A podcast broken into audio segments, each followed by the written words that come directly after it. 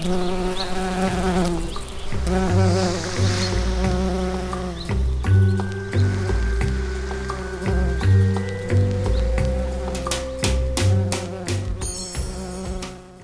på dig!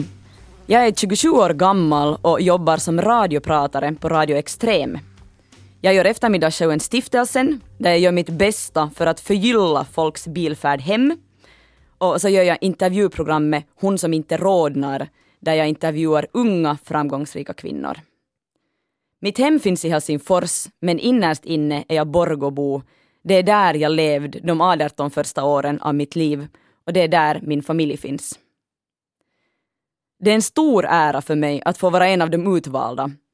Under de senaste åren har jag lyssnat på nästan alla sommarprat, både här på Radio Vega och på Sveriges Radios Sommar i P1. Och jag bara älskar konceptet. Ge en människa fria händer och en hel timme radiotid till sitt förfogande. Wow! Det kan alltså bli vad som helst.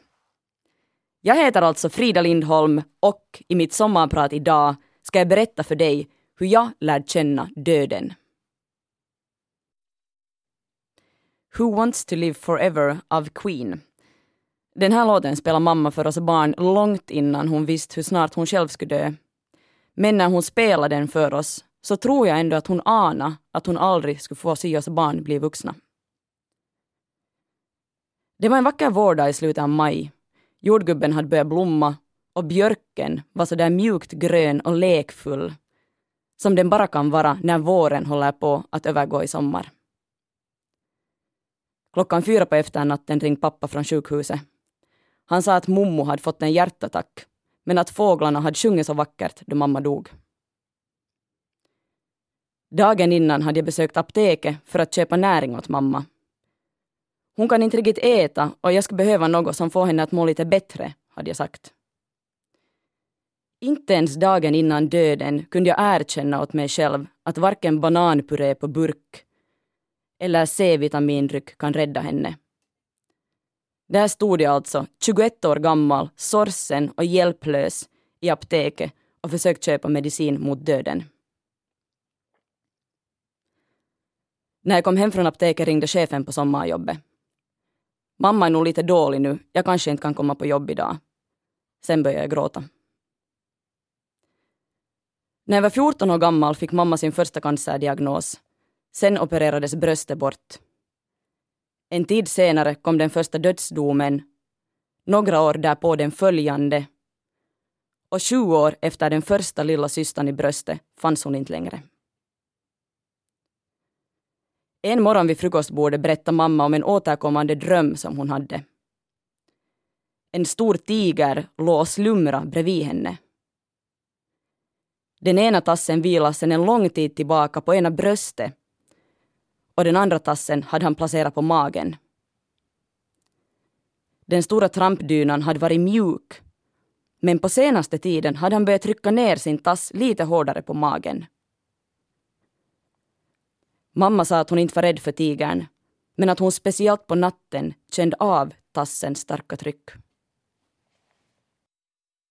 Jag trodde faktiskt en lång tid att jag hade haft en helt normal ungdom och att mammas sjukdom inte hade påverkat mitt liv.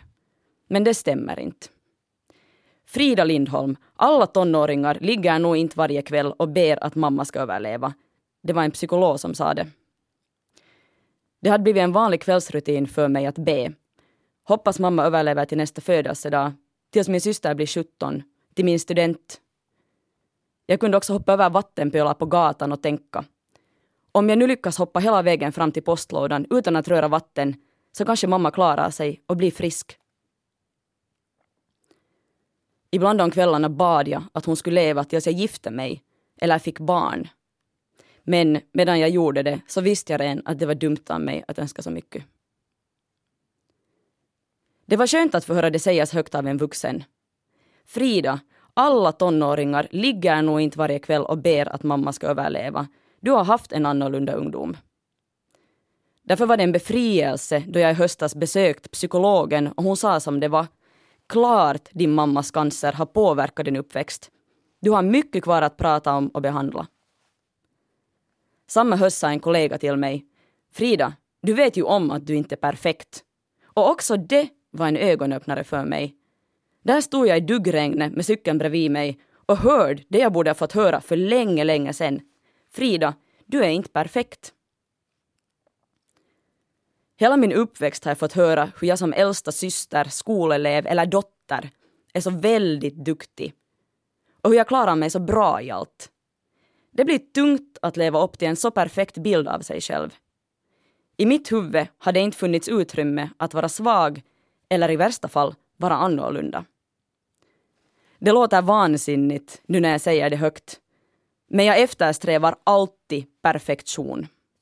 Och i mitt huvud är en perfekt person en som är glad, rolig och lycklig. En människa med bara positiva karaktärsdrag. Jag har alltså alltid försökt vara den glada skoleleven, den duktiga stora systern och den ansvarsfulla dottern. Det var också det psykologen sa i ett senare skede. En perfekt människa är inte en som är glad hela tiden, duktig på allt och en som alltid säger ja. Om det nu finns något som närmar sig den perfekta människan så är det en som känner och vågar visa ett brett spektrum känslor. Det är klart att jag fortfarande eftersträvar perfektionism. Men det är lite skönare att leva en dag som jag, nu när jag stundvis också tillåter mig själv att öppet visa känslor som besvikelse, rädsla och osäkerhet. För mig var det alltså oerhört befriande att inse att jag inte är normal och att jag dessutom inte på något sätt är fullständig. Livet blir mycket lättare när du inte hela tiden behöver hålla upp en fasad. Den där sena vårnatten då fåglarna sjöng så vackert drömde jag att jag stod på en stor strand. Omkring mig lekt folk med stora färggranna badbollar. På stranden hade solbadare stuckit ner sina parasoll och sanden var ljus och varm och kändes skön om tårna. Vattnet gnistra när solens strålar träffade vågorna. I min dröm var jag lugn och lycklig. Det är inte något du kommer över. Det är något du lär dig att leva med. Så sa prästen åt oss när vi satt hemma vid matbordet och planerade begravningen. Han hade själv mist sin fru för några år sedan och visste vad han pratade om. Nu har det gått sex år sedan mamma dog i cancer och ibland när jag saknar henne som mest försöker jag ge mig tillåtelse. Du får ännu sörja, Frida. Det får ännu göra ont. Det är inget du behöver komma över. Det är något du måste lära dig leva med. Ibland är det faktiskt bra att stanna upp och ge sorgen utrymme. För prästen har rätt. En kär persons död är inget man kommer över. Det är något man måste lära sig leva med. Jag har märkt att sorgen är en känsla som måste få jättemycket rum och tid. Då jag jobbar, träffar vänner och ränner runt har jag ofta inte tid att sörja. Jag har så mycket annat att tänka på, ofta har jag haft jätteroliga saker. Det är först när jag lyckas lugna ner mig som de ledsna tankarna får plats. Har du någon gång tänkt på hur de motsatta känslorna går hand i hand? Gråt kan övergå i skratt, kärlek kan gå över till hat och lycka kan bli sorg. Jag har märkt hur viktigt det är att ge utrymme för alla sorters känslor. Den som inte kan sörja kan inte vara lycklig. Den du älskar är det lätt att också hata. Och den som inte kan gråta kan inte heller skratta. De perioder då jag inte har tid att sörja eller tid att gråta ut har jag också svårt att skratta och vara lycklig.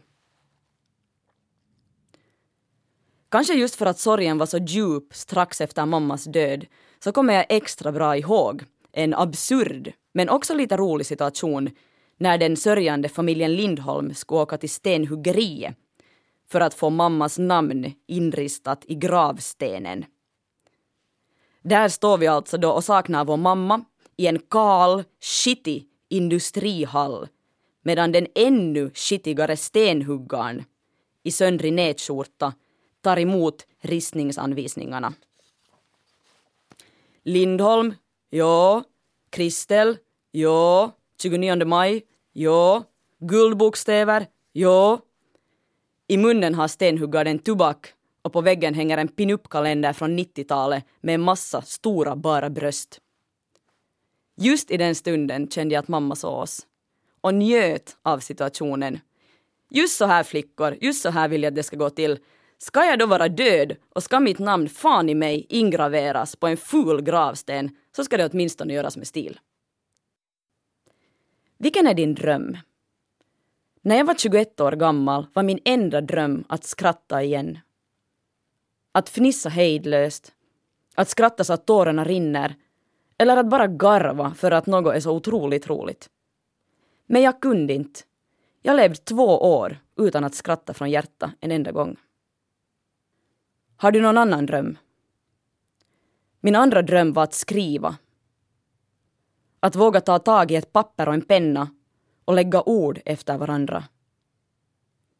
Att bara våga skriva några bokstäver utan att vara rädd för att orden skulle bryta ner hela fasaden. Jag har alltid älskat att skriva dagbok, låtar, dikter, manus, berättelser, sagor. Egentligen vad som helst. Men jag bara inte förmådde skriva ens ett endaste ord då mamma var som sjukast. För när jag skriver är jag som mest ärlig med mig själv. Och om jag skulle ha tagit i pennan hade jag varit tvungen att skriva om mina känslor. Och jag hade ju aldrig godkänt dem. Utåt sa jag, och ville tro på det från hela mitt hjärta, att mamma skulle klara sig, att hon skulle överleva. Men inuti hade jag redan länge vetat att hon inte hade långt kvar. Och om jag hade skrivit så hade jag varit tvungen att möta min största rädsla. Min mamma skulle inte botas från sin cancer, hon skulle dö. Det var för hemskt att godkänna, så därför kunde jag inte ens närma mig ett tomt papper. Jag kommer aldrig att glömma första gången jag lyckades skriva igen. Ett år hade gått sedan mamma gick bort. Det var en het dag i juli och jag satt på tåget med en Kalle Ankas pocket jag just hade köpt på ett antikvariat i Esbo. Plötsligt, medan jag läst, lossnade en spärr i mig. Jag tog fram ett papper och en penna och så började jag skriva dikter. I efterhand har jag analyserat situationen och kommit fram till att det delvis måste vara Kalle Anka som fick mig att skriva. Kalle Anka kopplar jag starkt samman med barndomen, som i mitt fall var väldigt lycklig. Under mammas värsta sjukdomsår var det nästan omöjligt för mig att tänka på goda minnen. För de blev i en så ledsam kontrast till verkligheten. Det här betydde alltså att jag under några års tid gick omkring och varken kunde minnas fina saker eller kunde tala om vad som höll på att hända med mamma just nu. Men jag har alltså analyserat situationen som så att redan då jag gick in till antikvariatet där på Esbo tågstation hade jag beslutat mig för att ge efter för känslor. Jag valde ju ändå en bok som fick mig att minnas det som hade varit så gott Alltså en glad och lycklig bok, Kalle Ankas pocket. När sen de goda minnena från barndomen utlöstes via den här boken så kunde de ledsna minnena också få rum. För känslorna går ju hand i hand. Tada! Kalle Anka gjorde så att jag vågade börja skriva igen. Och det där skrattet som jag trodde att jag hade förlorat för evigt jag minns inte vad som hände den där dagen då skrattet plötsligt kom tillbaka. Men jag kommer aldrig att glömma känslan av lycka. Jag har överlevt. Jag har överlevt, var det enda jag tänkt på. För det är en oerhört sorgsen tanke att du kommer att leva resten av ditt liv utan att någonsin mera skratta igen. En väninna till mig berättade att hon varken hade gått på sin famos eller mommos begravning. Hon hade istället lagt blommor på ett speciellt ställe hon tyckt representerade dem. Det var ett finare farväl, tyckte hon. Visst hade några släktingar varit sura på henne, men själv såg hon inte meningen med att sitta i ett rum och gråta med människor hon knappt kände. Jag tycker absolut inte att det är respektlöst att slopa en begravning. Det är otroligt modigt att våga göra det på sitt eget sätt. Alla har rätt att ta farväl just som de själva vill. Mammas begravning var hemsk. Jag vet att hemska är ett fult, fult ord att använda om sin mammas sista färd, men det var så jag kände just då. Jag tror att man måste vara mycket mera du med döden för att tycka att en sån rit är vacker. Och det var jag inte. Trots att familjen och alla goda vänner var samlade, trots att buketterna delvis var handplockade sommarblommor och trots att mina kusiner placerade små leksaksbilar på kistan gick det inte att försköna sanningen. Mamma var död och det var hon som låg längst fram i kyrkan. Minnesstunden firade vi vid havet. Borden kläddes i färggranna borddukar. Pappa bjöd på vin och en nära vän höll ett ganska roligt tal. Men inte ens den granna dukningen, de vackra vågorna, de tunga gröna grankvistarna och sädesärlorna som vaktar sitt bo kunde väga upp mot faktum. Det här var ingen familjefest. Det här var mammas begravning. I kyrkan sjöng vi Den blomstertid nu kommer. Vi valde den med omsorg och tanken var att pigga upp oss sörjande och förena oss i en glad, hoppingivande låt. Nu i efterhand har jag funderat över om det kanske var ett sätt för oss att försöka glömma hur hemskt det var nu när mamma inte längre fanns. Vi ville så gärna att hon ännu skulle leva att vi till och med på begravningen försökt hålla upp en positiv fasad. Jag tänker inte spela den för dig, men du kan själv föreställa dig hur det låter när 50 sörjande människor försöker sjunga årets gladaste låt. Det lär ska finnas foton från begravningen. Men vad jag vet så har ingen i familjen eller släkten vågat eller ens velat titta på dem ännu. I början av mitt sommarprat sa jag att mamma känt på sig att hon aldrig skulle få se oss i vuxen ålder. Oss barn alltså. Varför sa jag så? Jo, för jag har alltid känt det på mig. Min största rädsla i livet har alltid varit att mamma ska dö. Ända sedan liten har känslan funnits. När jag var liten och mamma och pappa inte var hemma då jag vaknade utan på besök hos grannen blev jag hysterisk. Jag ringde och ringde tills de tvingades att komma hem. Så rädd var jag för att bli övergiven.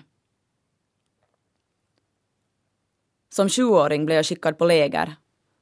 Första natten grät jag mig till söms. Och andra natten klättrade jag till min kompis säng och sov natten där med henne. Sen fick jag åka hem. Jag ville inte vara på läger. Jag ville hem till mamma. Nu kanske någon psykolog säger att det är naturligt för ett barn att vara rädd för att bli övergiven eller för att bli lämnad av modern. Men jag bara kände på mig hela livet. Min barndom var för lycklig. Somrarna på landet för fina. Min pappa var för snäll. Mamma var för rolig. Mina skolvitsord var för bra. Redan i lågstadiet sa jag det högt åt min bästa väninna. Min värsta mardröm kommer att gå i uppfyllelse. Mamma kommer att dö. Jag vet bara inte vilket år. För några månader sedan gick Angelina Jolie ut med ett meddelande i pressen. Hon hade under vinterns lopp opererat bort båda brösten och ersatt dem med silikon.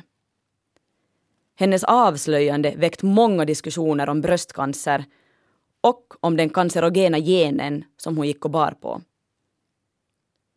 Angelina Jolies mamma dog i cancer och nu hade Angelina själv fått veta att hon hade en 87 procents risk att få samma sjukdom. Därmed fattade hon beslutet att operera bort allt för att inte utsättas. Angelina hyllades som en hjälte. Heroic kallade man henne. Hennes man, skådespelaren Brad Pitt, sa Min största rädsla är att familjen inte ska vara säker, tillsammans eller vid liv. Nu har Angelina gjort att vi kommer hålla ihop. Det här sa han i en intervju till brittiska The Sun. Fint om hon räddades från potentiell bröstcancer. Fint om hon kan vara vid sin familjs sida tills hon blir gammal. Men för det första så har alla kvinnor i världen inte råd att operera bort båda brösten bara för att de har en cancerogen gen i släkten. Och för det andra, är det mammografi och kirurgi vi borde prata om? Eller är det något helt annat? För vad ligger egentligen bakom Angelinas operation om inte rädslan för döden? Döden, det enda i världen vi fortfarande inte kan kontrollera. Överallt säljs rynkkrämer. Människoidealet är den evigt unge och evigt vackre. I Storbritannien bjuder man in till botox-parties. Kroppen ska se ut som om den vore 25 år gammal. Vi tror att vi genom krämer och operationer kan komma bort från det oundvikliga, åldrande. Är det ett heroiskt dåd att rädda sig själv från en eventuell sjukdom? Är det heroiskt att vara rädd för att dö? För vi kommer alla att dö. Också du kommer att dö. Och du kan inte ens veta när. Angelina Jolie ville skydda sina barn och sin familj och opererade därmed bort brösten. Och det här skrämmer mig. Att vi i västvärlden är så rädda för döden att vi opererar oss innan vi ens fått en sjukdomsdiagnos. Och kommer du ihåg vad jag sa om känslorna? Jag tror att samma sak gäller döden. Vi måste prata om den. För vågar du känna döden så vågar du också känna livet. Mitt namn är Frida Lindholm och det var jag som sommarpratade för dig idag. Hoppas du har en fantastisk sommar och att du njuter och tar det lugnt.